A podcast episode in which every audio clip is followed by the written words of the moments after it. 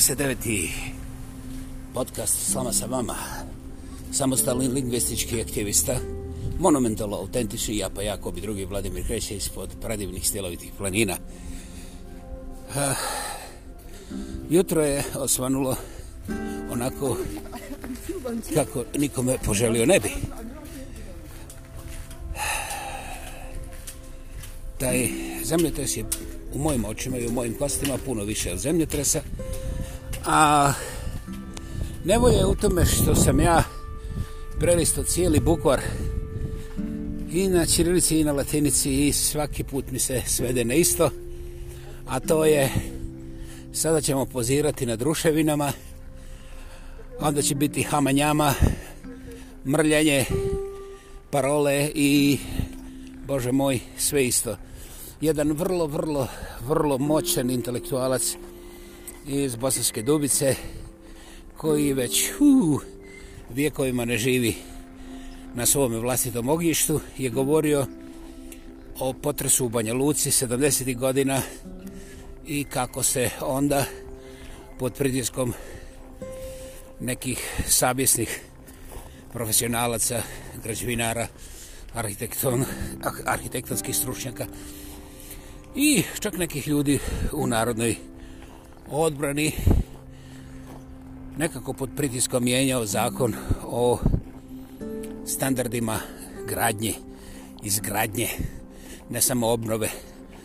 Dakle, ja nisam baš stručnjak u arhitekturi, međutim, on mi je rekao da je ključni uspjeh toga dramatičnog, kaotičnog i katastrofalnog požara u Banjeluci bilo to što se od tada počelo zakonom zahtijevati gradnja sa tim nekakvim stupovima armirano-betonskim armirano kod svake stabilne gradnje, što je u mnogo čemu napredilo stabilnost i otpornost tih novih građevina pred potresom. Nebolje je što se to danas izgleda gleda kao na nekakvu komunističku ili sprtsku stvar. A ovaj, I ne samo nevolja, ali ne bih ja o tome. A, e, ja sam uspomenuo da je prije Banja Luke gotovo 20 godina ranije bila gotovo nevjerovatno velika katastrofa toga zemljotresnog užasa u Skoplju pa se ništa nije mrdnulo, ne samo u Skopju, nego ni u Beogradu. I stvar je ostala tako da čuči dok nije Banja Luka doživjela svoju katastrofu. A onda opet stvar nije pokrenuta od partije, nego tako neki pojedinci koji su razumijeli sa razgledica šta rade Japanci, pa onda su primijetili da priprema građevina, posebno u urbanom okruženju, za kataklizme, posebno one koje se ne mogu izbjeći, a potres je sigurno jedna od tih, onda su oni to, što bi se reklo, bipartizan ili još bolje nonpartizan, znači izvan politike, pokrenuli i uspjeli su nešto pomaknuti. Znači, trebalo je masu života, masu godina i onda poslije Banja Luka ja ne znam ni za jedan novi standard koji bi vodio računa ne samo o prevenciji, nego o smanjenju oštećenja usred katastrofičnih zemljotresa. I to je ogledalo pred kojim mi stojimo danas, cinično se smijući političkim probacima koji dođu za pet minuta da se slikaju pred najgorim ruševinama, nimalo nemajući obraza, za ljudski materijal, a građevinski materijal je i onako kreiran da ga se ukrade. Jer, Bože moj, treba vikendice na planini, treba vikendice na rijeci. A kad imaš na planini na rijeci, kako je onda moguće da budeš bez one na moru? I ovaj, tri put Bog pomaže, jel, ne samo kod Srba, nego vidiš ima to i kod Hrvata. I ovaj... Mm. još mi je čovjek rekao da je Petrinja, odnosno njen uži uža, uža gradska jezga, znači ono što bi rekli downtown Petrinja, da je prosječna starost građevina, kaže 500 godina, kaže ne baš 500, ali e, 497 i 36 mjeseci. Ovaj, I onda bez beskrvno natezanje nekih grupa i grupica sa ovim za ono, zbog onoga i tako dalje, koje se tumači kao političkim igrama. Međutim, Znate šta, kad dva bedaka ovaj, siluju džaka, ja to ne mogu nazvati nikakvom politikom. Mislim, to su orgije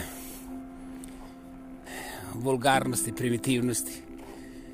I u krajnjem slučaju to je razvorno, suicidalno lupetanje na onoj fiksiranoj, fiksnoj, fiksnoj nimalo efikasnoj, ali zato fokusiranoj i samim tim ekstremističkoj strani društva.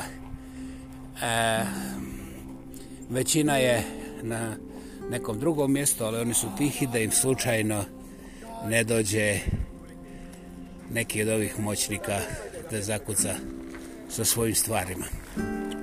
Dakle, drago moje gospodo, bez ikakvog ustezanja. Meni je strašno žao i nijednog momenta ne mogu osjetiti zadovoljstvo zbog nijednog mojega znanja, predosjećanja i nečega što razumijem. Nema mjesta nikakvom zadovoljstvu. Da pače rekao bi da se borim sa svojom vlastitom depresijom jer ono što će se desiti poslije ove katastrofe je U, uh, molim vas, ispravite me ako sam u krivu. Ja govorim da će se desiti ovako nacionalno političkim rječnikom hapa-lapa dok je naših ovih e, i tako dalje. Ovi ostali moraju da šute i da se strpe jer nema za sve. I ovaj, hapa-lapa, a papa-lapa, papa, maca. Znači, kriva je maca za sve.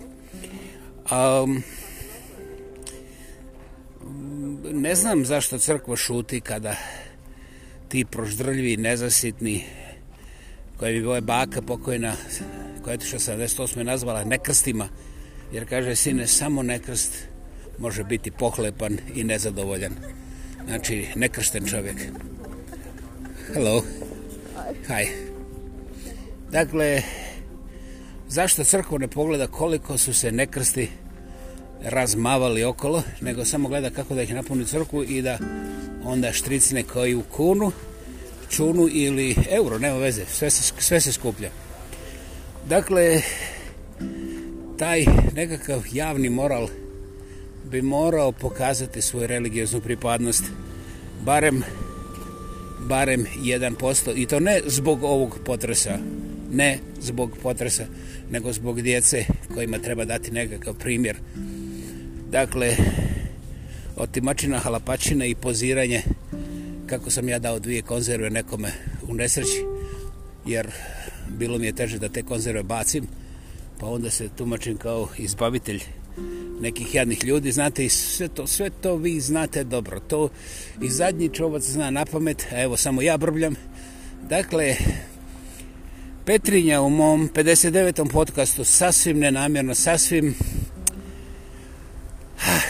ne može bez bola i moja molitva u sasvim privatnom i tihom okruženju bez ponavljanja šta ću da radim neće prestati večeras a nije nikada ni prestajala Petrinja večeras imaš moje srce i moju dušu nadam se da možeš uključiti svoj vlastiti mozak i pogledati u svoju vlastitu dušu sve vas redom volim i ping to je bio 59 podcast Slama sa vama, samostalni lingvistički aktivista i monumentalno autentični, ja pa jako bi drugi, Vladimir Krećec pod predivnih stjenovitih planina.